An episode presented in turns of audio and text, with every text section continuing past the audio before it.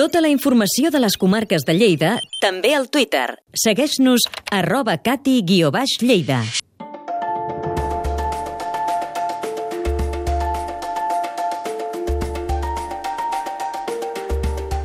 Una nova colònia de voltors negres ja vola per les muntanyes del Pirineu de Lleida. Després de sis mesos tancats en unes gàbies d'aclimatació, la quinzena d'exemplars ja comença a fer vida normal entre la reserva de Baumor, al Pallars Jussà, i la muntanya de Linyà, a l'Alt Urgell. Ens ho explica el nostre corresponsal al Pirineu Central, l'Eloi Barrera.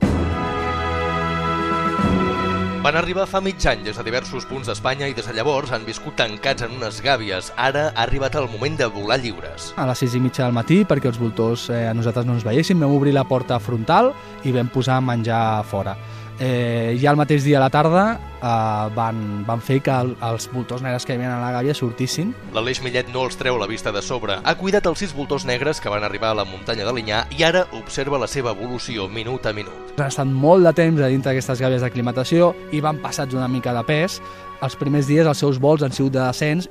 A mesura que han passat els dies i ells han anat perdent aquests grams de més que tenien, han començat a remuntar i a pujar ja una mica en alçada. El Departament d'Agricultura treballa amb la Fundació Catalunya La Pedrera i altres entitats en aquest projecte de reintroducció del voltor negre. L'associació Grefa, dedicada a la recuperació de fauna salvatge, en supervisa l'estat de salut. El seu president és Ernesto Álvarez. Eh, obtener muestras de todo tipo, ver el estado sanitario, hay que auscultar el animal, ver que no tiene ningún problema.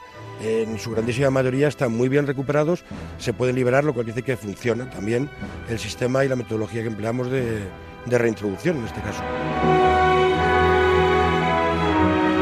Ja tenim algun exemple d'una família que la manxega, concretament, que ja ha marxat fins a l'Aragó.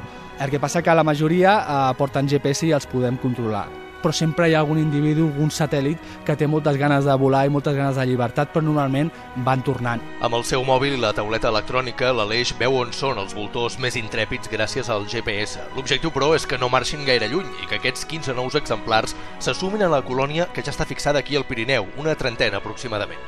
És un nou hàbitat per al rapinyaire més gran d'Europa i que a Catalunya continua en perill d'extinció.